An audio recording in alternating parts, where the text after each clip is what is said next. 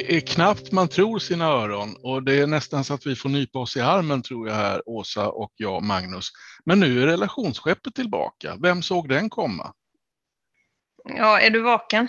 ja, i allra högsta grad. Och ärlighetens namn så hoppas jag att både vi och några andra såg eh, detta avsnitt komma efter en eh, eh, ja, sommarsemester som kanske blev något längre än vi hade tänkt oss, men det får väl vara okej det också. Jo, precis. Det blev lite så att det, det, blev om och men och livet och olika faktorer som sköt våra avsnitt lite framåt i tiden. Vi har ju inga, vi har ju inga eh, avsnitt i sumpen så att säga som vi kan plocka upp och, och, och steka på till lyssnarna utan vi, vi är lite alla minut när vi producerar den här podden. Just det, men alla har ju, inklusive oss själva, faktiskt möjligheten att steka upp de gamla avsnitten på nytt. Det kan ju vara så att man hör oss för första gången eller för tredje gången eller vad det nu kan vara. Och då finns det en liten nätt eh, eh samling nu av avsnitt med relationsskeppet som man kan gå tillbaka och lyssna på. Kanske man vill göra igen, samlas hela familjen efter tacon på fredagen. Ja, men vad ska vi göra nu älskling? Vad säger ni barn? Ja, vi tar ett avsnitt av relationsskeppet, säger alla. Ja! Familjepodden som du brukar kalla den. Ja, men det är Nej. det. Men däremot kan man väl säga att det finns en hel del avsnitt i början av eh, vår poddserie som är oförtjänt lite lyssnade på. Ja. Kan vi väl eh, skryta med att säga. Och alla de här avsnitten finns ju där poddar finns. De finns ju på Spotify och podcaster och allt vad det heter, iTunes också. Så det är bara liksom att scrolla och bläddra tillbaka och så hittar man de här Förhoppningsvis tycker du också det du som lyssnar. Godbitarna. Men vi, vi lämnar det åt sitt öde. Och så, ska, ska, vi inte göra någon form av summering av sommar? Det här är alltså relationsskeppet och relationer till allt och alla, det är det vi pratar om. Och på något sätt måste vi definiera relationen till sommaren 2022 som jag tycker håller på att bli, vad var det någon sjöng en gång i världen? Sommaren som aldrig säger nej. Det känns ju lite som att den här sommaren har varit stora famnen. Alltså stora famnen har öppnats igen med eh, konserter och med event och eh, idrottstävlingar och ja, det har varit publik överallt och ja, det har varit eh, lite tillbaka till det normala och det tror jag att väldigt många, inklusive jag, har varit extremt eh, glada för. Och då är jag ju ändå eh, introvert som vi brukar skoja om. Där kom den i det här avsnittet också. Men jag tycker det har varit väldigt roligt att vara varit ute bland människorna. För det har jag varit väldigt mycket. Jag har varit väldigt mycket på konserter och eh, olika event. Det har varit jättekul.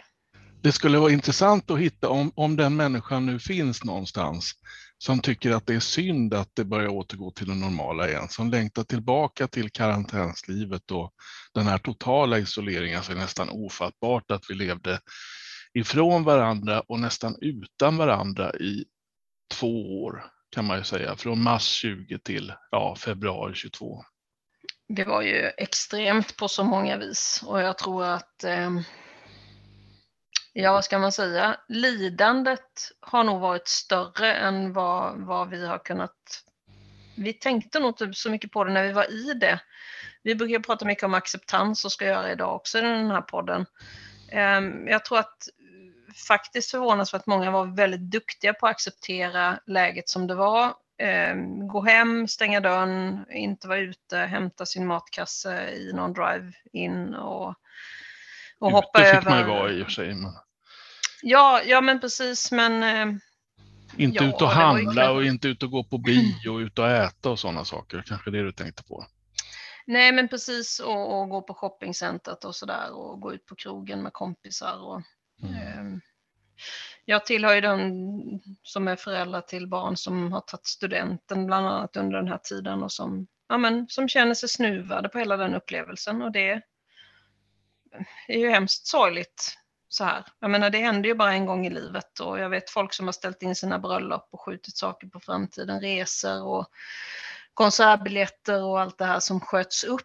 Mycket av det går ju att genomföra i efterhand och det har vi ju sett den här sommaren har det varit otroligt konserttätt bara för att ja, men folk åker på nya turnéer. Men det är också alla gamla turnéer som ska kommas ikapp med liksom. Så mm. att, eh, finns ju Så två visst. reflektioner från mig som jobbar inom vården. Eh, det gör ju du också, det vet jag, men du jo- jobbar ju på skola, jag jobbar ju på sjukhus. Det ena är att eh, ja, det kanske är början på tiden efter pandemin eller så är det början på tiden före nästa del av pandemin därför att vi får väl se nu vad som händer. Jag ska inte skrämma upp folk, men eh, vi vet ju att det har varit en ökning av eh, smittspridningen i samhället. Mycket högre än de två tidigare pandemisommarna ska man ha i åtanke. Eh, och hur det blir nu när skolorna börjar, folk återgår till arbetsplatser, kommer hem från stadsfester, arenakonserter, biobesök, restaurangbesök och allt vad det nu har varit. Ja, låt oss hålla tummarna för att det inte blir så illa som jag vet att många tror. Ja, det är nästan omöjligt att förutspå, men jag tror ju som du, jag tror att väldigt många kommer bli sjuka i höst på ett eller annat sätt och, och i de, de verksamheterna jag är där avråder man ju för, från fortfarande inför terminsstarten att eh, komma till skolan eller jobbet överhuvudtaget om man är förkyld oavsett hur man har testat sig hemma med, med sitt eh, självtest så ska man vara hemma. Det är bara Ja. så. Mm. Vi behöver kanske inte göra oss till någon slags Anders Tegnell här, men jag bara som en sådär, en passant. Vad är han säga- förresten? Ja, han, jag vet inte. Det kanske vi får ta reda Han, på. för han slutade väl?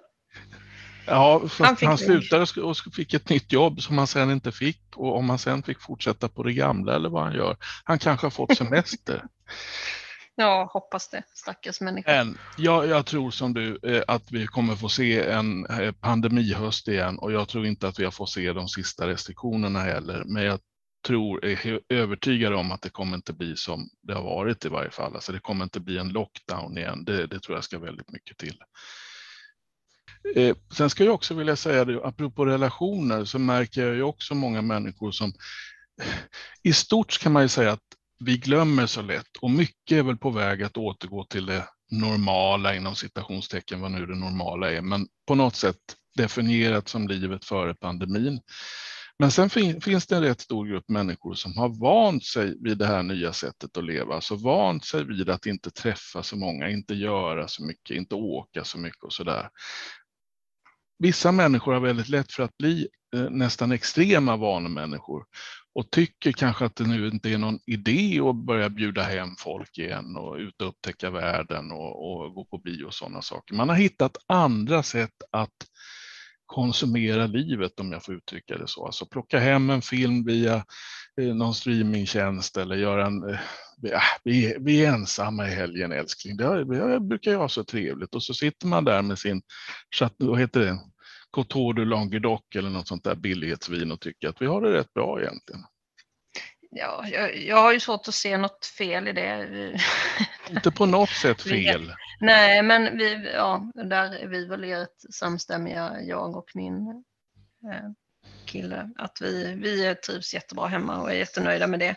Men eh, det man kanske kan oroa sig för, det är ju de här personerna, man, det har vi alla, någon tror jag, runt oss som tenderar att dra sig tillbaka mer och mer Mm. eh, och inte sträcker ut en hand och inte frågar efter att få komma över och inte frågar efter ja, att få komma på födelsedagar eller jul eller så. Att man, att man kanske som medmänniska eller familjemedlem sträcker ut en hand extra mycket själv till de personerna som kanske har vant sig av med det sociala lite, lite, lite för mycket.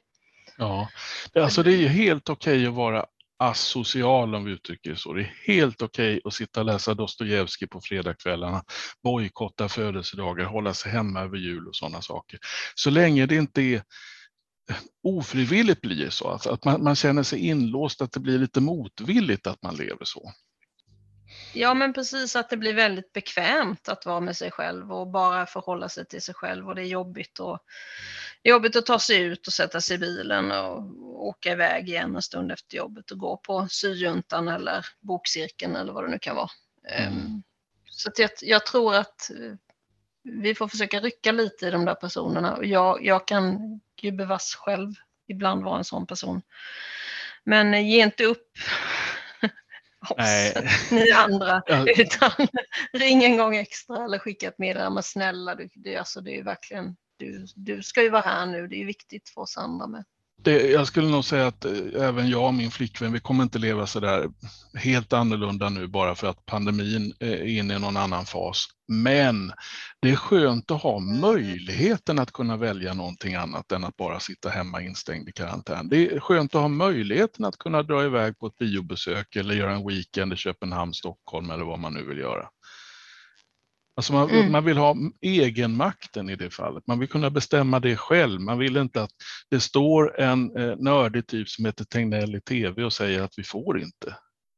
Ja, jag tycker det har varit rörande faktiskt. Jag, jag var på en, det här, det finns ett gratis event i vår hemstad som heter Musik på Larmtorget i Kalmar. Eh, där alla får komma på konsert.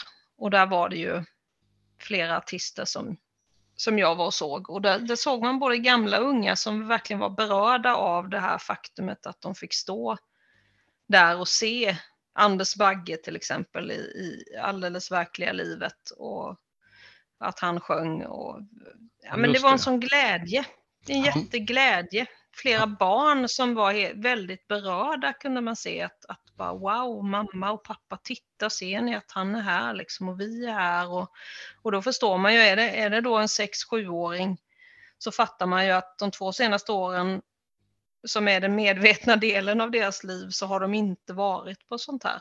Det är kanske mm. första gången. Just det, han Bagge var där, den är genomsympatiska person och sjöng sin enda hit då, utgår jag från. Ja, jo, han är ju väldigt mångsidig för sig så att han kunde ju göra andra låtar också som du var. Jag, jag ska inte säga någonting för att jag sörjde en smula faktiskt att jag missade Medina i det sammanhanget som jag tycker är väldigt, de gillar jag. Det kanske, nu är det någon som blir helt chockad här som hör podden och tycker va, gillar den där trägtypen Medina? Ja, det gör han faktiskt. Ja, ja, precis. Och jag hörde att det var väldigt, väldigt fullt på det där lilla torget då. Det var precis knökat med folk. Men det är också härligt. Men du, för att summera sommaren så måste jag också säga någonting om, för det har ju blivit en väldigt varm sommar. Det när vi spelar in det här är det fortfarande tryckande varmt, kvavt, klibbigt och det här är också sommar. Det spelar ingen roll hur många åskväder som kommer, det är samma luft i alla fall. Och att det här är ett problem för många människor, det ska jag inte på något sätt bagatellisera. Men jag upplever också att det är många, klag, många människor som klagar på värmen, som både vill ha värmen och inte ha värmen och som önskar att det fanns någon form av reglage man kunde ställa in sommaren på 23 grader kanske dagtid och låt säga 18-19 som mest på natten. Alltså att det blev rumstempererat fast utomhus istället. Det är, det är mycket begärt faktiskt. Utomhustermostat. Hur förhåller ja, nej, du dig alltså... till sådana människor som gnäller på åh det är så varmt nu och fy fan vad varmt det är och jag svettas ihjäl och hoppas det blir höst snart så det kommer lite kallare väder. Alltså tyvärr är ju de människorna sådana som gnäller vad, vad det än är för väder. Jag, jag är ju sådär, eh, jag tycker det mesta väder är helt okej.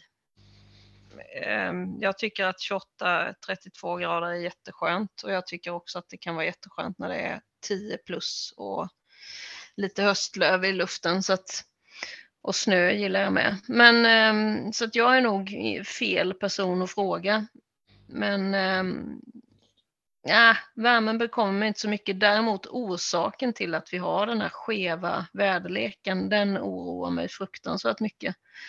Och de här torr, torra perioderna med eh, vattenbrist och grödor som står och vissnar och, och djur ja. som inte har vatten. Och, ah, det, det tycker jag är rikt, riktigt, riktigt obehagligt och det har kommit ifatt mig lite, måste jag säga, sista månaden här hur jävla illa det är ställt med den här planeten. Det, det, är en sån stor fråga och kanske heller om vi ska välja ingen fråga för relationsskeppet det här med klimatkrisen. Om vi bara pausar den, vi kan återkomma till den i ett senare avsnitt om vi vill.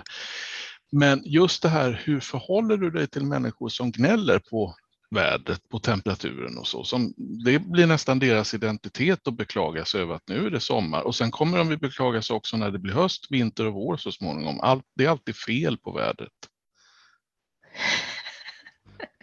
ja, ja, nej, jag vet inte. Jag är nog en retsticka tyvärr. Jag säger om det, om det är snöstorm så säger jag, jag, älskar snö, det är det bästa jag vet. Och om det är 32 grader varmt Men det jag du också. det, ja, men de som inte gillar det, de som gnäller på det. Jag är ju som du, jag älskar de alla väder utom blåst. Blåst tycker jag inte Ja. om, det kan jag säga.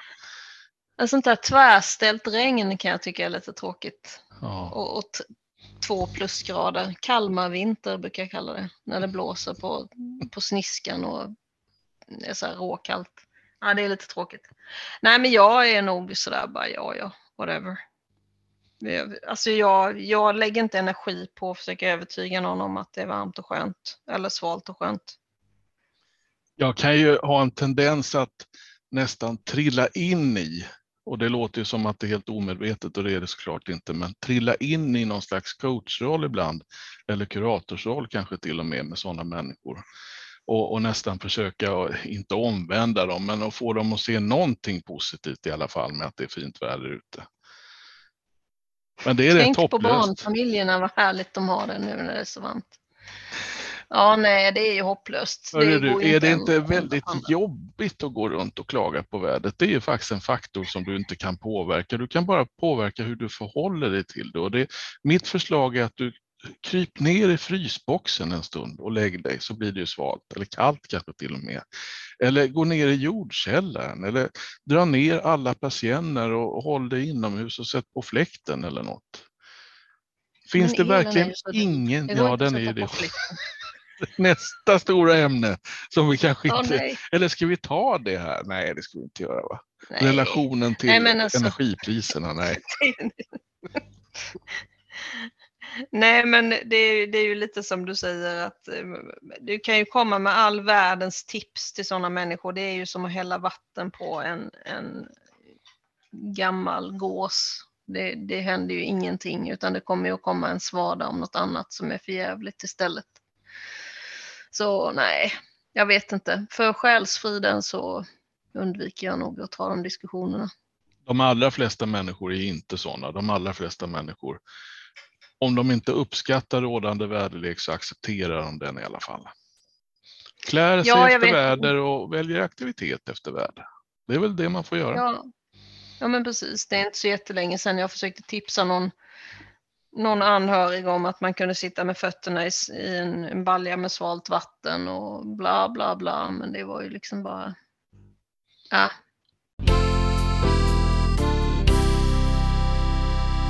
Men du, efter denna inledning på podden, återstarten av relationsskeppet, så tänkte jag att vi kunde ägna eh, en del av det här, eh, den här nypremiären åt ett tema som vi kan sätta rubriken när livet förändras. När livet plötsligt blir någonting annat än det har varit tidigare. När det kommer in någonting som kastar om spelplanen, som ger dig nya förutsättningar, som ställer dig inför nya utmaningar, du behöver bryta upp dina rutiner, du behöver hitta nya sätt att göra saker som du brukar göra. Det finns saker som du kanske inte kan göra heller fortsättningsvis. Och det kan ju handla om sjukdomar, operationer. Det kan också handla om andra ofrivilliga saker som ligger utanför din kontroll, till exempel att du är med om en olycka av något slag, att ditt hem brinner ner. Men det skulle ju också kunna, vilket vi avhandlat så många gånger tidigare, handla om eh, separationer, skilsmässor eller att någon anhörig inte finns med längre. Vad tänker du när du hör den här rubriken, när livet förändras? Jag tänker på alla de eh, eh, exempel som du nämner. Jag tänker också på ålder. Att man har, man har faktiskt blivit så gammal så att man inte orkar vissa saker längre eller att man inte ser eller att man inte hör så pass bra längre att man kan köra bil till exempel eller att man, man inte orkar gå med på den där fjällvandringen som man har gjort varje år eller vad det nu kan vara. Så att ehm, ja, Eh, och det har vi ju nämnt eh, förut i, i podden att det enda säkra vi vet om livet egentligen det är ju att saker och ting kommer att förändras. This too shall pass. Också detta kommer en dag att vara över. Så ehm, ja, men jag vet att väldigt många kämpar med det här. Alltså att, att det är hela tiden att man försöker komma tillbaka till sin ungdom eller man försöker komma tillbaka till till förälskelsen i början av relationen när det har gått några år och allt är dammigt och tråkigt och man kanske inte ligger med varandra längre eller vad det nu kan vara. Att man försöker komma tillbaka, man försöker liksom, man kämpar upp i, ja, det blir ett Sisyfos-projekt att försöka ta sig upp för den där backen igen liksom och återskapa någonting som inte finns längre. Man är inte ens samma människa, hur ska man kunna ha samma relation med någon annan som inte heller är samma människa? Så att... Um... Det var någonting du sa där som jag tänkte att du, du, du, sa att vi försöker hitta tillbaka till någonting. Vi försöker hitta tillbaka till hur vi gjorde saker när vi var unga och vi försöker gång på gång att orka med igen, kanske ungefär så. Du sa det inte exakt på det sättet, men lite med den innebörden. Uppfattade jag det rätt då? Ja, jag tror att många kämpar väldigt mycket med det, att, att man, man vill tillbaka till den där perfekta midsommaraftonen 1987 och så försöker man bjuda in samma människor och, och ha samma mat och samma, på samma plats varje år och så blir det ändå inte riktigt samma. Men det blir ju något annat. Men istället för att uppskatta det här som har vuxit eller utvecklats eller liksom processats fram till någonting annat så sitter man där med en liten känsla av besvikelse över att det inte var som 1987 i år heller. Nej. Så jag tror att det är det som är problemet. Ja, just det. Det kan ju vara problemet. Tanken i sig är ädel, att man försöker göra någonting gång på gång på gång, inte ger sig så att säga. Men jag tror samtidigt att det finns en stor fara i att försöka göra någonting som uppenbarligen inte går längre att du fastnar i ett mönster av hopplöshet och blir nostalgisk och längtar tillbaka och önskar att allting var som förr. Istället för då min, en av mina paroller i den här podden är att acceptera läget. Du behöver inte gilla läget, det, det uttryckte jag lite allergiskt mot faktiskt, men acceptera läget så som det ser ut och så tar du det därifrån. Ja, för du kan ju aldrig ändra, till, alltså du kan ju aldrig ändra på andra människor. Du kan inte ändra på situationer heller, speciellt mycket mer än din del av sammanhanget. Den kan du ju ändra på, förbättra och slipa på.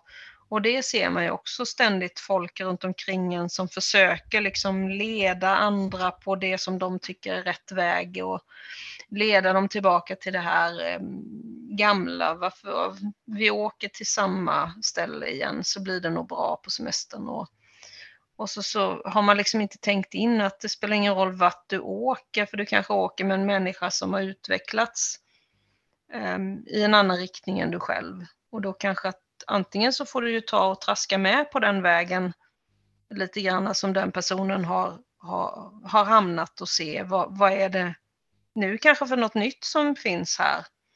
Istället för att försöka släpa tillbaka till det där gamla som man, du själv har fastnat i. Liksom. Jag möter ju många människor i mitt yrke då som genomgår ganska stora förändringar i livet. Det kan ju handla om allt ifrån amputation av ena benet till en stomioperation eller att man eh, opererar bort ett bröst eller vad det nu kan vara. Jag hade en eh, sån eh, patient för lite sedan. När hen kom till mig så var hens uppenbara önskan inför mig att jag skulle återställa verkligheten för henne, att jag skulle ta bort det här nya smärtan, eh, den stora förändringen och berätta att gör så här så kommer allting bli som vanligt igen. Mm. Och som jag hoppas att alla förstår så eh, den uppgiften var mig övermäktig kan jag säga. Och det är heller inte det det handlar om när man kommer och träffar en kurator eller en psykolog eller vem det nu kan vara. Jag kan tänka mig att du känner igen dig i det här som sjuksköterska också. Alltså vi kan egentligen inte göra någonting vi inom vården. Vi kan ju bara hjälpa folk att acceptera förutsättningarna. Om man opererar så är det också att acceptera förutsättningarna. Läkarna som gör amputationen måste ju acceptera att vi tar bort det här benet eller vad det nu kan vara. Och det är samma för kuratorn, sköterskan och för patienten vill jag säga. Acceptera att så här ser det ut. Det går inte att göra saken på ett annat sätt än just så här just nu. Nej, och många gånger då så kan man ju, jag har varit behjälpt av det när jag har mött patienter i kris, så där att man försöker vända på historien och säga, men, men om du nu hade suttit här med den här foten som faktiskt var i förruttnelsestadiet för att den var så trasig, då, då hade du ju inte kunnat leva. Att man liksom har lite den ingången och den kan man ju ha i, i sin vardag med. Att jag menar, ja, vad det nu kan vara i, i, i det lilla med. Att tänka tillbaka, ja men nu var det ju så här faktiskt att, att den här saken gick inte att laga och då, då fick vi ta kreditkortet och köpa en ny för att vi klarar oss inte utan den och nu, ja, nu är det som det är med det. Och spilld mjölk och så vidare. Att, eh, det tror jag väldigt många går omkring och tänker att eh, grämer sig för saker. Just precis. Som de tror hade kunnat göra annorlunda om de bara hade haft den där lilla informationen som någon kanske undanhåller dem eller som de inte begrep i det ögonblicket. Att liksom, allt det förstörde någon, någon situation eller pryl eller relation. Ja, just det. Om man eh, tycker att läget som det ser ut är miserabelt så är det alltid en fråga om hur ser alternativet ut? Det vill säga om du inte gör den här operationen, om vi nu ska hålla oss inom sjukvården ett ögonblick, vad är då alternativet? Ja, det alternativet är att då får du fortsätta bära den här svåra sjukdomen och du riskerar att dö längre fram. Nu låter jag krass när jag säger, jag är den första att skriva under på att det här är jättesvåra saker och i min roll så handlar det väldigt mycket om att bekräfta den där känslan, att få personen mitt emot mig att acceptera att det är jobbigt och förstå att jag också känner med det, att det är jobbigt. Så jag bagatelliserar inte på något sätt. Men det, det jag vill åt i det här resonemanget och som jag märker att du är inne på också är hur ser alternativet ut om det inte finns något rimligt alternativ? Okej, okay, hur gör vi det bästa av den här situationen? Och det bästa kanske inte är speciellt bra heller, men det är det enda okej okay alternativet som finns. Men det, det, det, är också där, det har vi nämnt förut med, att eh, som folk säger till eh, någon som har en utmattningsdiagnos till exempel att ja men om du bara ser till att du är hemma och vilar nu så blir allting som det var förut och då kommer du att må mycket bättre. Nej, det är ju så att det som man mådde eh, förut och det man gjorde förut och gå tillbaka till det som var förut, det var ju faktiskt en sak som gjorde att man blev väldigt, väldigt sjuk.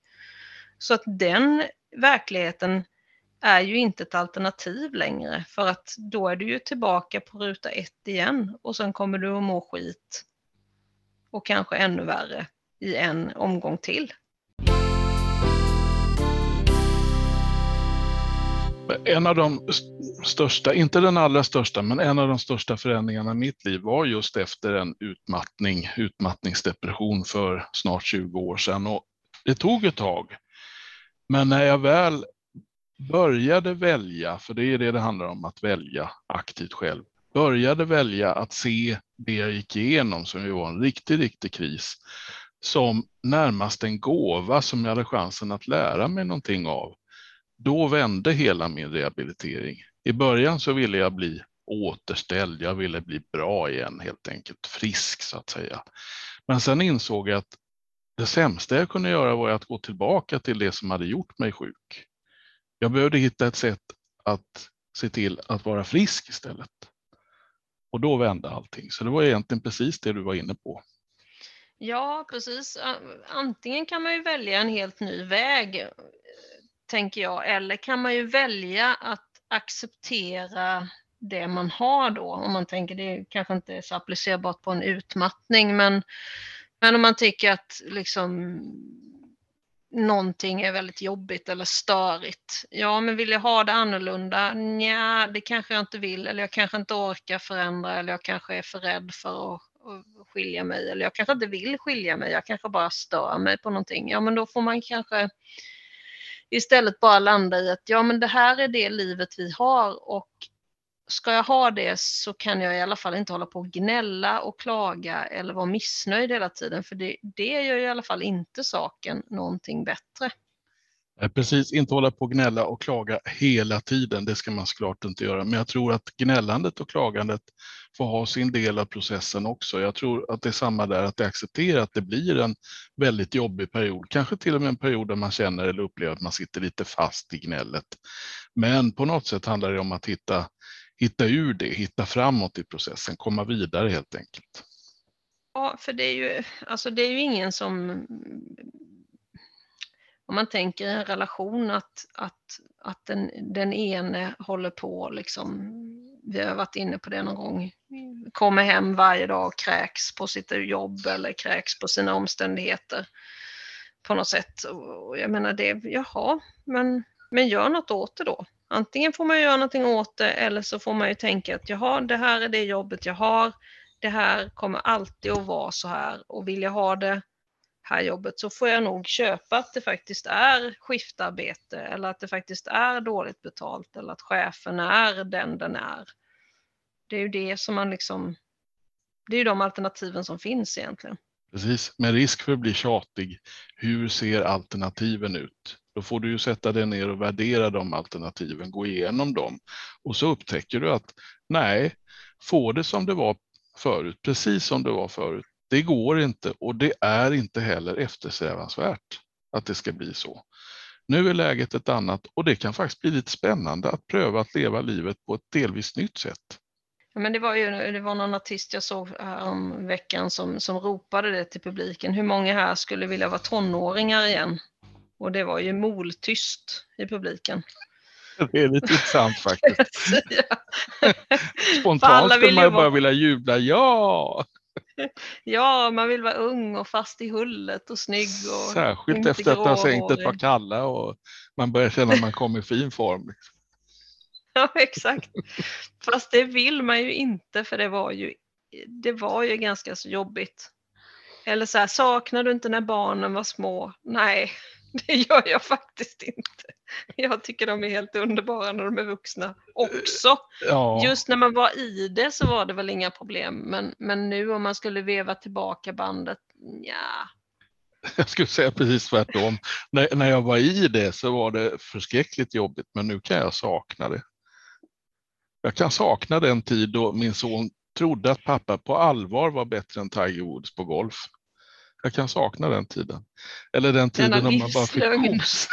Ja, precis. Jag skojar ofta om det, att det tar några år, sen kommer du syna bluffen min son, så jag fattar inte vad jag pratar om då.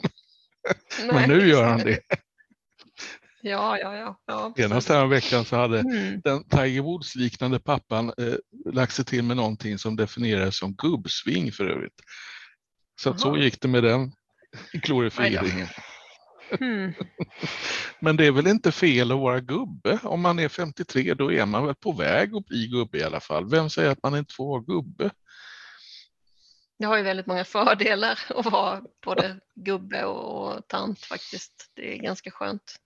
Jag tänkte också det... på det här med, alltså, med, med livsomställningar, livskriser, när, när livet blir annorlunda och så vidare. Vi har ju de här eh, diametralt motsatta begreppen i livet. Glädje, sorg, smärta, icke-smärta, tårar, inte tårar, liv och död och så vidare. De här motsatsparen vore ju ingenting värda om bara den ena sidan fanns. Alltså det, det, om inte sorg fanns så skulle inte glädje finnas heller och inte omvänt. Om inte liv fanns så skulle inte död finnas och inte omvänt heller. De hör ihop och jag tror att någonstans får man acceptera att det är det som är livet. Det är den spänning som alstras mellan de här ytterligheterna som gör livet till det som livet är. Tänk om vi bara föddes en gång och sen var allting klappat och klart. Sen lever vi för all evighet. Det kommer aldrig hända någonting som kastar om förutsättningarna. Vi kommer aldrig vara glada, aldrig vara ledsna. Vi kommer leva, leva, leva, aldrig dö. Vi kommer inte utvecklas, vi behöver inte göra någonting. Vi kan egentligen bara gå och sätta oss på en stol eller en stubbe och vänta och vänta på tidens ände om det nu finns någon sån. Det skänker mig rätt så mycket tröst i mina om jag ställs inför svåra utmaningar, vilket ju alla människor gör ibland, att det här är livet. Livet är en samling motsatta begrepp som eh, närmast motverkar varandra, men som också samverkar med varandra, som ger livet en mening. Det är jobbigt att vara trött en dag, eller bakfull en dag, eller sjuk en dag, eller vad man nu är. Men när man mår bättre igen så värdesätter man nästan det fina, goda måendet ännu mer än tidigare. Ja, men det är väl som det där, det, det egentligen väldigt kända faktumet att alla kommer dö en gång.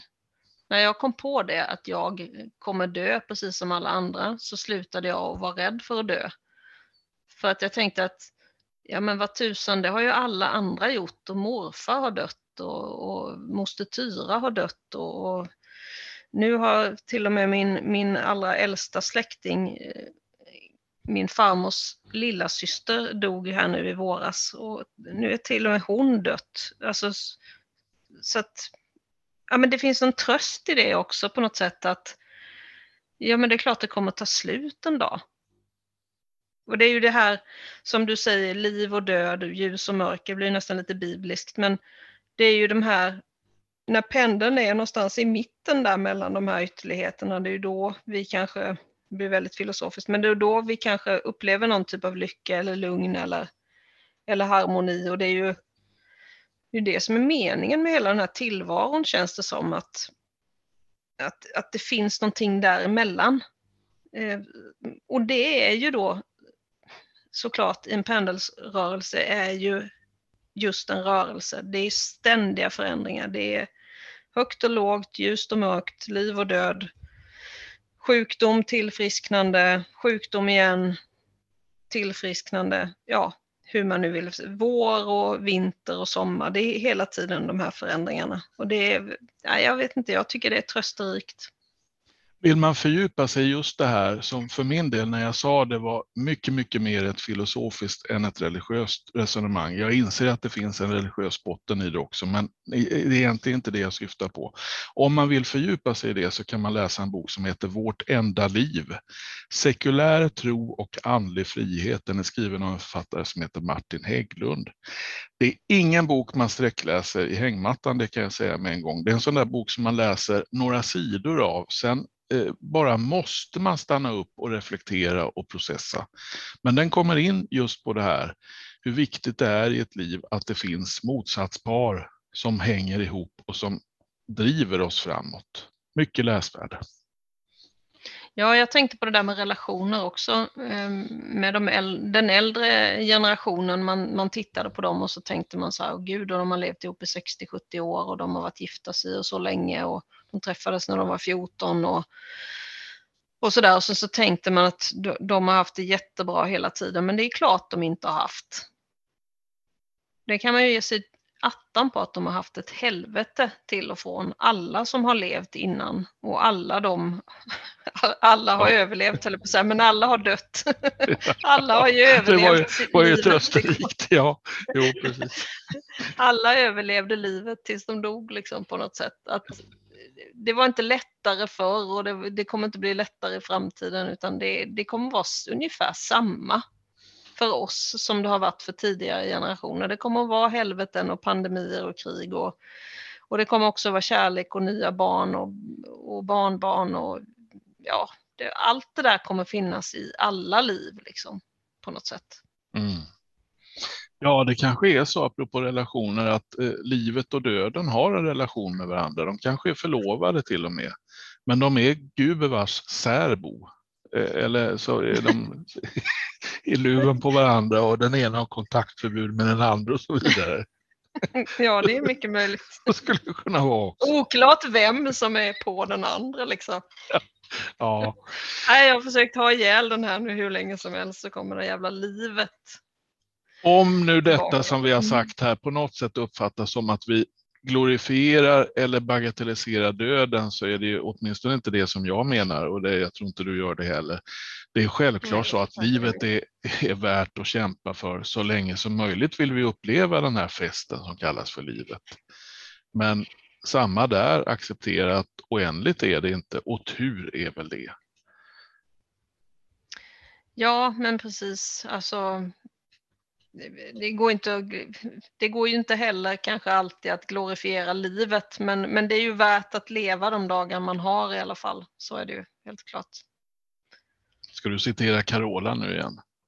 Det är dagarna som... Nej. Nej. Det är dagarna som går som är livet. Ja, men ja. jag tycker fan det är tänkvärt alltså. Det är det. Är det. Mm.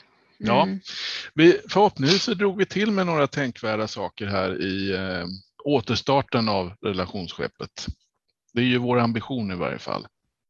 Men vi eh, eh, vore ju ingenting utan de idéer som vi får av er som lyssnar. Jag tycker att ni kan bli lite bättre på att tipsa oss om saker som ni vill att vi ska ta upp. Det här är ingen uppläxning utan det är mer en, en vädjan om, jag vet att det finns så mycket goda idéer och så mycket inspiration som gärna får spilla av sig på oss också. Det, jag uppskattar jättemycket de kontakter vi har via våra lyssnare som hör av sig på sociala medier. Men eh, du som lyssnar nu, hallå, du, ja precis, du där, det var dig vi tänkte på. Hallå, hallå. Har du någon idé till oss som du vill att vi tillsammans gör en podd av framöver? Hör av dig. Tack snälla. Vad fint. Och vi, kom, och vi kommer inte att sitta och säga sen här att ja, Maggan ringde. Nej, det kommer vi inte göra. Ja, eh, ska vi sätta mm. punkt för det här eh, avsnittet och säga på återhörande? Det gör vi. Mejla oss gärna på... Ja, Precis, vi kan ju inte säga Nej. hej då utan att alla mejladresser. Som det ju, eh, vi drunknar av mejl emellanåt. Något. Ja, Men... gud ja. Mm. Relationsskeppet at gmail.com eller snabela som du vill att jag ska säga. Ja, det vill jag. Och jag vill också mm. tillägga att vi har fortfarande ingen fax. Hej då Magnus Krustell. Åsa Strandberg heter jag. Hej, tack.